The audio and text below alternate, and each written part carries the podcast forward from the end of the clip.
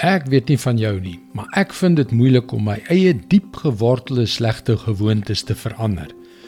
Trouwens, as ons eerlik met onsself gaan wees, is dit byna onmoontlik. Hallo, ek is Jockey Gouchee vir Bernie Diamond en welkom weer by Vars.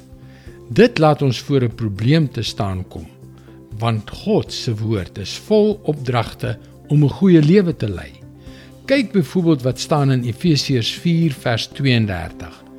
Wees goedgesind en hartlik teenoor mekaar en vergewe mekaar. Jy kan nie hiermee stry nie. As jy 'n goeie lewe wil lei, as jy wil hê jou lewe moet die lig van God se liefde in hierdie wêreld laat skyn en as jy 'n getroue ambassadeur van Christus wil wees, dan moet jy natuurlik vriendelik en liefdevol teenoor diegene rondom jou wees. Natuurlik moet jy hulle vergewe nie net een keer nie, maar oor en oor soos Jesus gesê het. Maar kom nou, wees eerlik. Wanneer iemand iets doms doen of jou seermaak of jou in die rug steek of net na jou hap, vind jy dit maklik om vriendelik en liefdevol te wees? Hoe maklik is dit om hulle te vergewe? Wat ons nodig het, is motivering om in die hitte van die stryd vriendelik, liefdevol en vergewensgesind te wees. Wat ons nodig het, is die krag. Laat ek dus vir jou die hele vers gee. Let op die laaste gedeelte. Efesiërs 4 vers 32.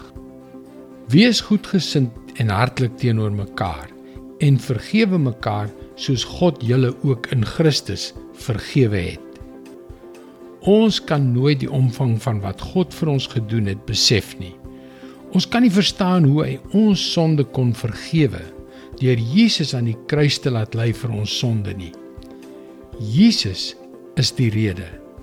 Hy is die krag. Laat Jesus jou transformeer. Dit is God se woord vars vir jou vandag. My vriend, ek weet dat God hierdie jaar 'n kragtige verskil in jou lewe wil maak. Kom leer meer, besoek gerus ons webwerf varsvandag.co.za. Indien jy na vorige vars boodskappe wil luister, hulle is ook almal op Potgooi beskikbaar. Soek vir Vars vandag op Google of op 'n Potgooi platform soos Spotify.